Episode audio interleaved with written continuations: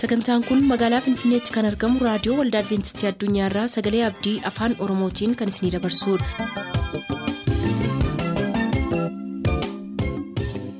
harka fuuni attam jirtu hordoftoota sagantaa keenyaa ayyaanniif nagaan waaqayyoo hunduma keessaniif haa baay'atu jechaa sagantaa keenyaarraa jalatti qabanne kan dhiyaannu sagantaa dargaggootaaf sagalee waaqayyoo ta'a dursa sagantaa dargaggootaatii nu hordofa.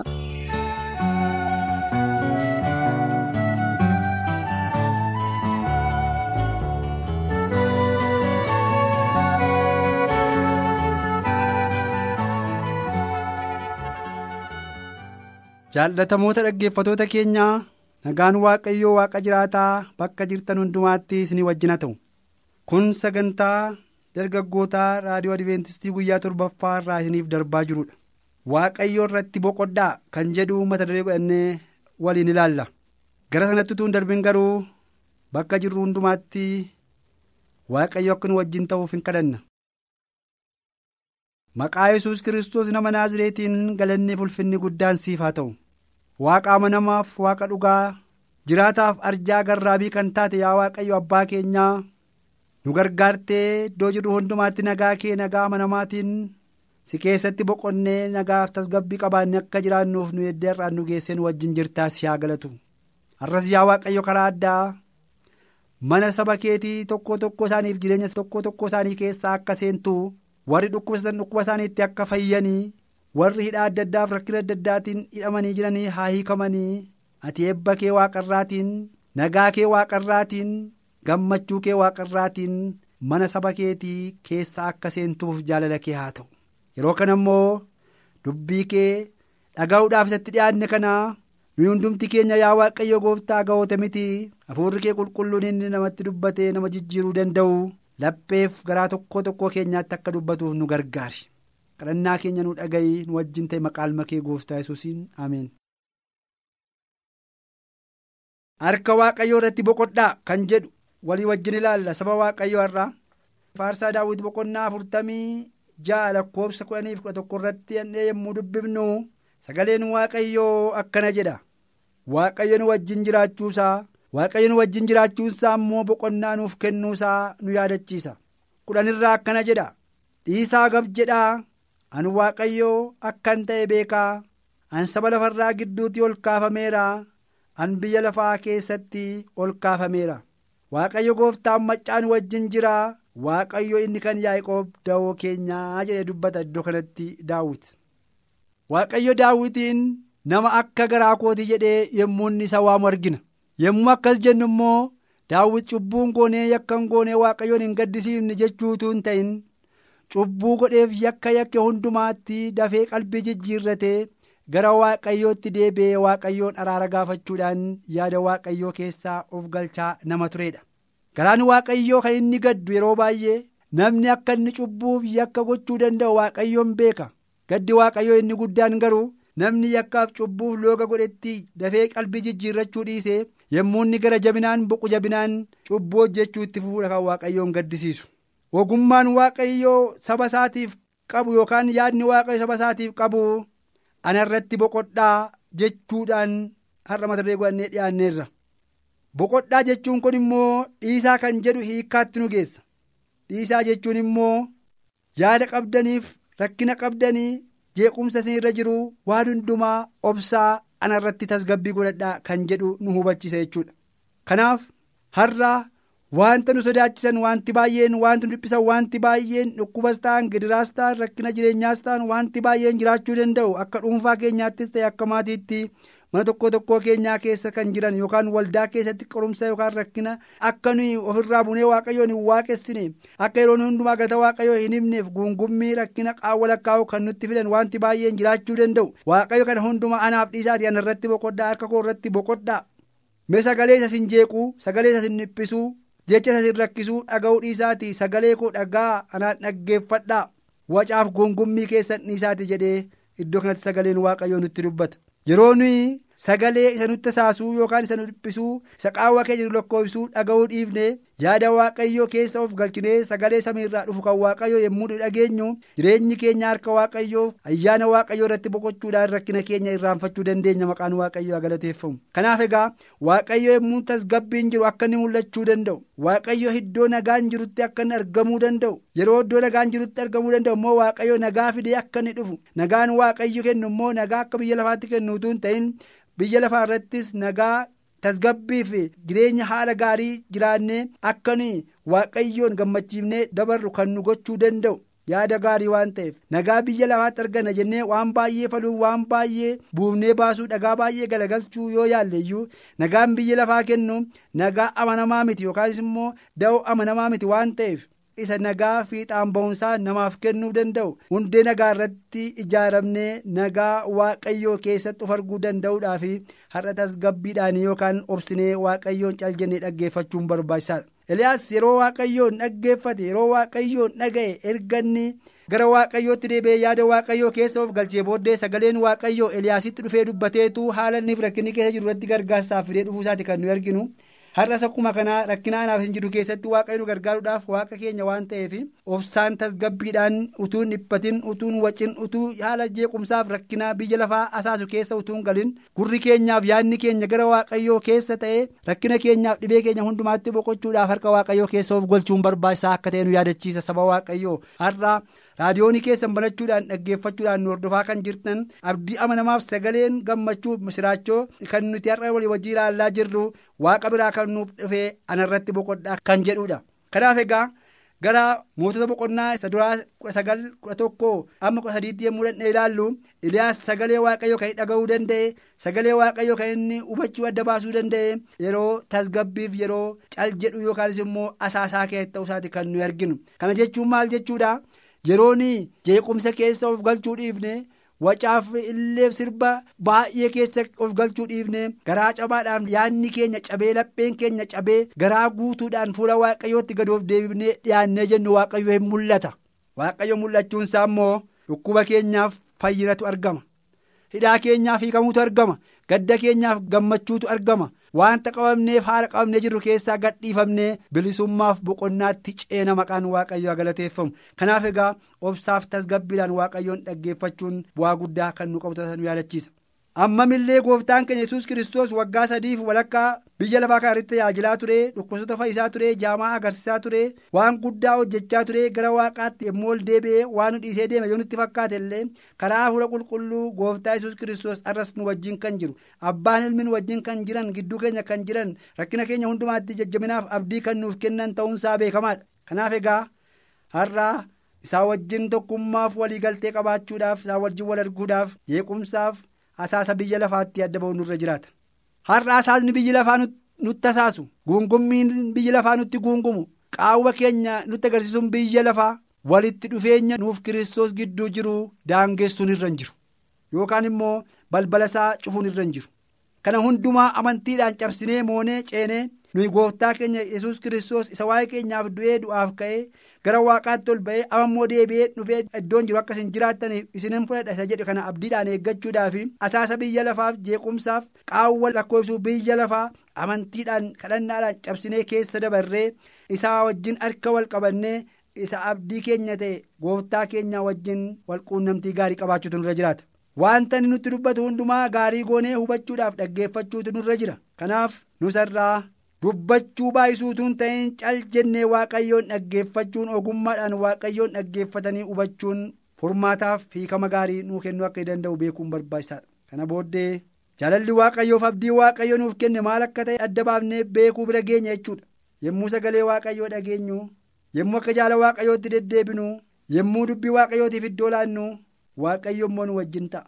Yeroo nu wajjin ta'u immoo haalaaf rakkinaaf dhibeef jireenya dhiphisaaf rakkisaa jirru keessaa harki waaqayyoo butee nu baasa. Du'aa gara jireenyaatti dabarraa gaddaa gara gammachuutti nu ceesisaa dhukkubsachuutti gara fayyuutti dabarra maqaan waaqayyoo galateeffamu har'a egaa humni dhukkubaaf humni rakkinaa hundumti nu kan ittiin cabuu danda'u sagalee waaqayyo waaqa jiraataatiin maqaa gooftaa yesus kiristoosiin yommuu itti waamnu ulfina guddaa kan duraa dhukkubnis seexannis qorumsis rakkinnis dhaabachuu hin danda'an.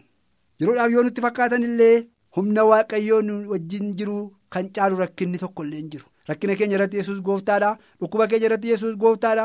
Qaawwaaf mudaa nuyi mana keenya keessaa qabnu akka dhuunfaatti qabnu waldaa keenya keessaa qabnu hundumaa irratti hoomaaf sagadaan gad of deebisuudhaan fuula waaqayyootti yoo dhiyaanne akkuma daani'el kadhannaansaa gad of deebisuumsaa laguuf kadhannaansaa furmaata waldaa waaqayyoo deebi'ee ijaaramuu isa agarsiise.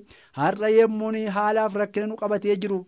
Irratti waliigallee garaa guutuudhaan kadhannu waaqayyo furmaata fidee gara waldaa kiristaanaa dhufaa gara jireenya dhuunfaa keenyaa dhufaa gara maatii keenyaaf gara mana keenyaa dhufaa haala jijjiiramee rakkina sakaleessaa nu irraanfachiisu harka waaqayyoo keessa dhaabbanne ilaalla galanni waaqayyoof haa ta'u kanaaf sagaleen waaqayyoo akkuma isaayyaas boqonnaa 41 irratti akkuma dubbatee hin sodaatin hin nayin ansi wajjinan jira jedhe kanaaf rakkinni. Qorumsi dhiphinni yaaddoon jireenya biyya lafaa jireenyi mi'aawuun inni kaleessaa gadi jiru ol ka'uun harka keenya keessa wanti jiru har'a dhibuun waan tokkollee nu yaaddessuun irra hin jiraatu waaqayyoo waanjoo rakkinaaf jireenya rakkinaa kana dabarsee yeroo gammachuu fiduudhaaf waaqa amanamaa waan ta'eef.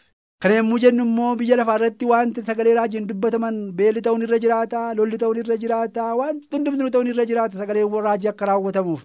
Kan nuyi baay'ee hubachuun yookaan wal barsiisuuf wal gorsuun irra jiraatu garuu warri waaqayyoof amanataniif warri waaqayyoon waaqessan beelli biyya lafaarraa lolli biyya lafaarraa rakkinniif jeequmsi haa jiraatu iyyuu malee waaqayyo akkaataa ittiin dhossee saba isaa kana hundumaa keessa dabarsu itti beeka waan ta'eef gara waaqayyootti qalbii jijjiirrachuudhaan deebinee da'oo waaqayyoo keessa dhokannee golgaa waaqayyoo keessa dhokannee rakkina hundumaa keessa darbuudhaa fi fuula keenya gara waaqayyootti deebisuun irra jira jechuudha. Waaqayyo bara beelaa bara lolaa biyya lafaa irratti ta'u hundumaa keessatti tooftaaf malattiin saba isaa dabarsutti beeka seenaa liyaas yaadachuu dandeenya kanaaf saba waaqayyoo guddaaf xinnaan dargaggeessaaf dargaggeettiin jaarsaaf jaartiin sagalee waaqayyoo dhaggeeffachaa kan jirru bakka jirrutti dubbiin waaqayyoo erga akkas ta'e rakkinni biyya laaf asaasi biyya lafaa walquunnamtii anaaf gooftaa koo yesus kiristoosii wajjin qabnu daangessuu hin danda'u maqaa yesus kiristoosiin gidduu kooti. cabi jennee rakkina keenya irratti kan golgaa ta'ee nu dukkaneessaa jiru irratti yommuu kadhannu inni sun cabee waanjoon sun cabee gooftaa keenyaa wajjin amantiidhaan wal arguu waanta dandeenyuuf kadhannaa keenyatti jabaachuutu nurra jiraata. Warra kadhatan warra amanatan warra jaalala guutuun gooftaa isaanii wajjin walitti maxxanee jiraatan namoota akka taanuuf waaqayyo nu haa gargaaru. Yeroo biraa mata duree biraatiin deebinee ammoo agarrutti bakka jirtan hundumaatti ayyaanni waaqayyo isiniif haa baay'atu. Nagaan turaa waaqayyo isin haa eebbisu.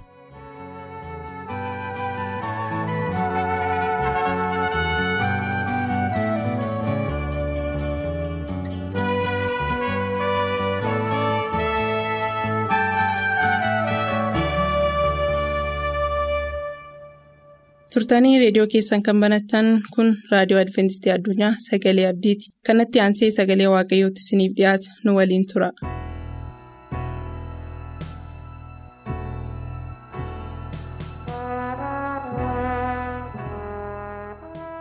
gooftaatiin kan jaalatamtan garboonni waaqayyoo akkam jirtu?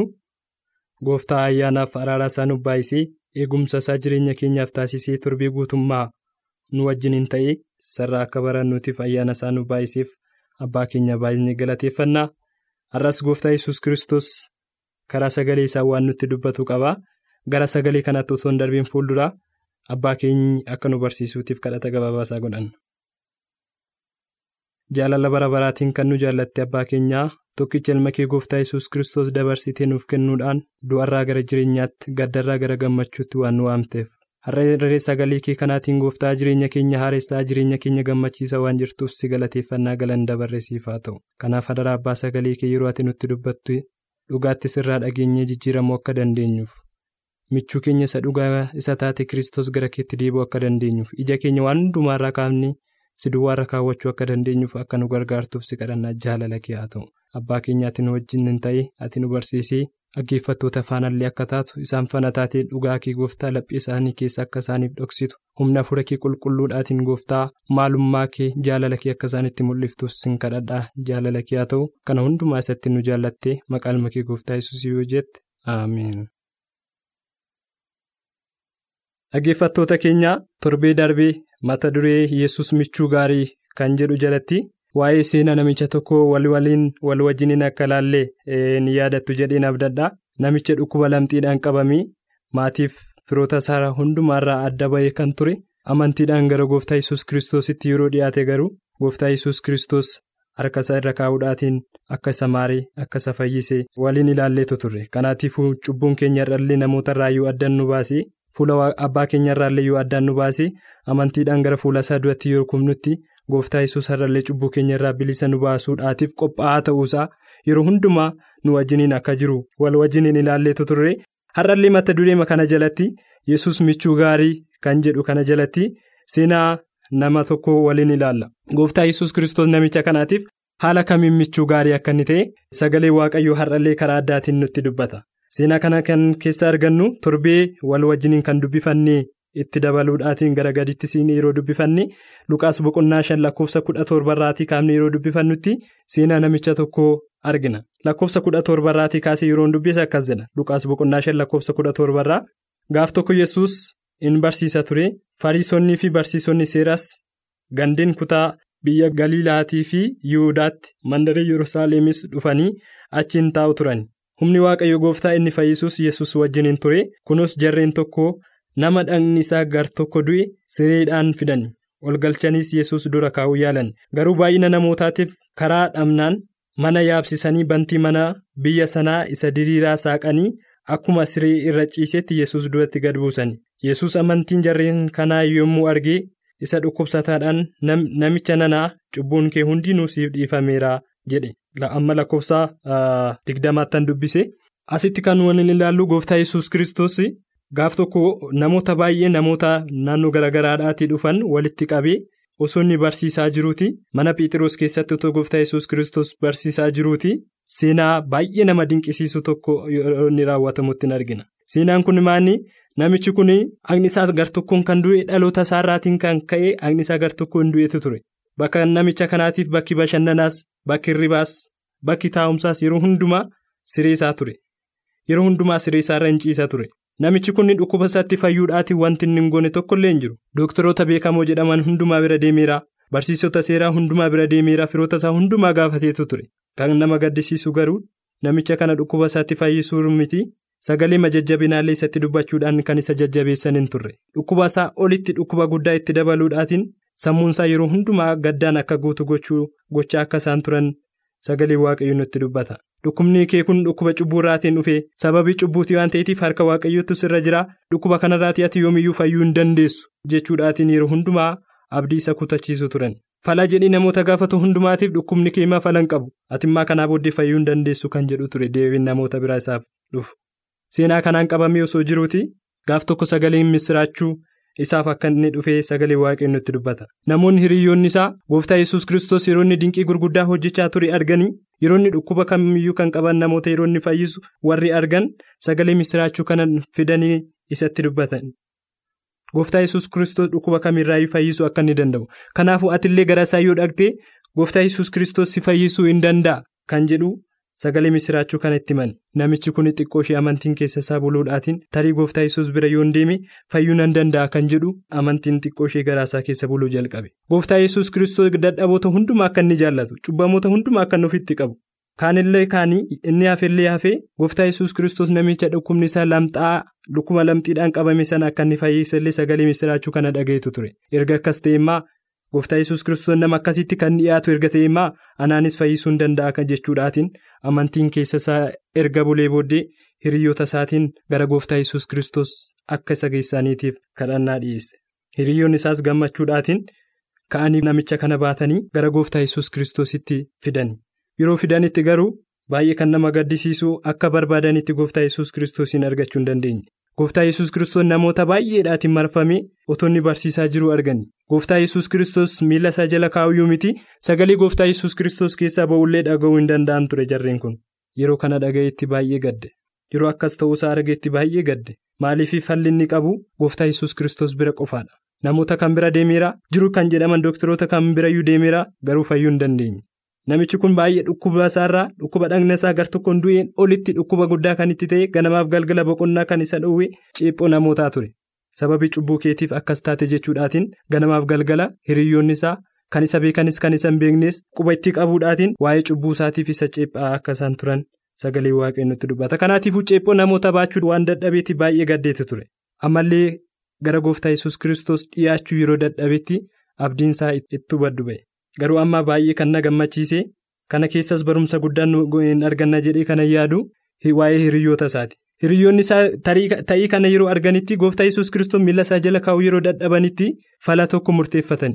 Innis maa inni namicha kanas riima isaatiin ol baatanii qinaaxxii mana sanaa diiganii qinaaxxii mana sanaa keessaatiin gadi buusuudhaatiin miila gooftaa yesus kiristoos jalaa yeroo isaan ka'aniin argina kanaatiifuu gooftaa yesus kiristoos jarreen kana yeroo argetti amantii isaanii baay'ee ajaa'ibsiifate an akkasiin ta'a jedhamee sirmayyee yaadamne.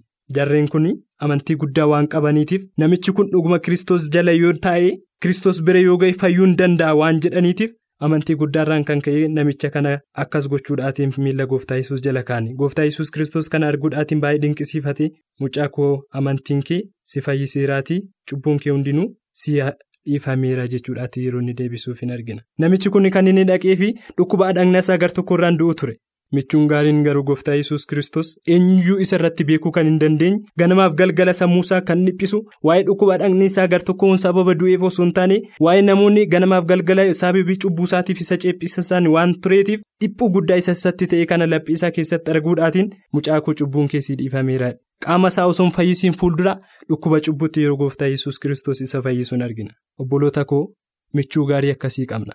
Nuti qaawwa tokko qofaadhaatiif gara isaatti yeroo boonyutti qaawwa keenya hundumaa ilaalee waan nu barbaachisu hundumaa beekee qaawwa keenya hundumaa waaqa nu duuchu michuu nu duuchuu waan qabnuutiif galanni guddaan gooftaa keenyaatiif haa ta'u namichi kun cubbuu isaa irratti yeroo bilisa ba'etti akkanumallee fayyinni qaama isaallee akka isa hordofe akkuma inni cubbuu isaa irraa bilisa ba'ee fayyetti fayyinni qaamaallee akka inni isaatiif ta'e argina kanaatiifuu har'a nuyi abbaa keenya irraa adda baasee kan nu jiru fuula namaa akka nuti ilaalleetiif ganamaaf galgala. Mataa keenya gadi cabsine akka nuti deemnu kan nu taasisu dhoksaa gara garaa yoo qabaanne gara abbaa keenya qabanne yaadumne gara michuu keenya qabanne yaadumne dhoksaa keenya fuulduratti baasee waaqa nullee yaasisne waaqa nun salphifne waaqa gaarii michuu gaarii kana waan qabnuutiif dhoksaa keenya hundumaa gara isaatti haa fidannu. Dhoksaa keenya hundumaa gooftaa yesus kiristoos beekee bilisa nu baasuudhaatiif wanta nu barbaachisu hundumaa nuuf kenna. Kanaatiif obboloota koo michuu gaarii akkasii waan qabnuutiif michuu kanaa irraa adda boonnu irra hin jiraatu. ija keenya michuu keenya lafarraatiin michuu keenya jennee kan waamne isaanirraa kaasuudhaatiin michuu dhugaa kanarraa ka'annu michuun lafarraa waan gaarii yeroo nuti raawwanne waan gaarii keenya dubbachuudhaatiin nu jajjabeessuu danda'u. Waan nama salphisiisu waan nama gaddisiisu yeroo raawwanne garuu karaa sanaan karaa hojii keenyaatiin ganamaaf galgala nu ceephawu garuu gooftaa yesus kiristoos michuu akkasii miti. Dhoksaa keenya waaqa nu dhoksuudha. Mudaa keenya waaqa nu dhoksuudha. Mudaa keenya ayyaana isaan dhoksee tola isaan nuuf kennuudhaatiin fuula isaa duratti tolota taanee akka nuti lakkaa'amnu gochuudhaatiin cubbuu kamirraayyuu bilisa nu baasuu waaqa danda'u waan ta'eetiif gara gooftaa keenya yesus kiristoos akka dhufnuuf ayyaana isaa nuuf baay'isu namoonni kunis sadan illee namoonni hiriyoonni isaallee namicha kana fayyisuudhaatiif kaayyuu waan qabaniitiif wanta gochuun isaanirra jiraatu hundumaa raawwatan. Gaara baa'uun isaanirra ture gaara hundumaa ba'anii namicha kana fayyisan har'allee nuyi lubbuu fayyisuudhaatiif kiristaanonni hundumni tokkummaa tokko qabaannee kaayyoo keenya lubbuu fayyisuu godhannee gochuun kan nurra jiraatu hundumaa gochuu akka dandeenyu gooftaan ayyaana isaa nuuf haa baay'isu. Kanaafuu yeroo hundumaa michuu dhugaa kana beekuudhaatiin miila isaa jala teenyee isarraa baruu akka dandeenyuutiif michuu dhugaa tokkoffaa isa godhachuu akka dandeenyuuf gooftaan ayyaana isaa nuuf haa baay'isu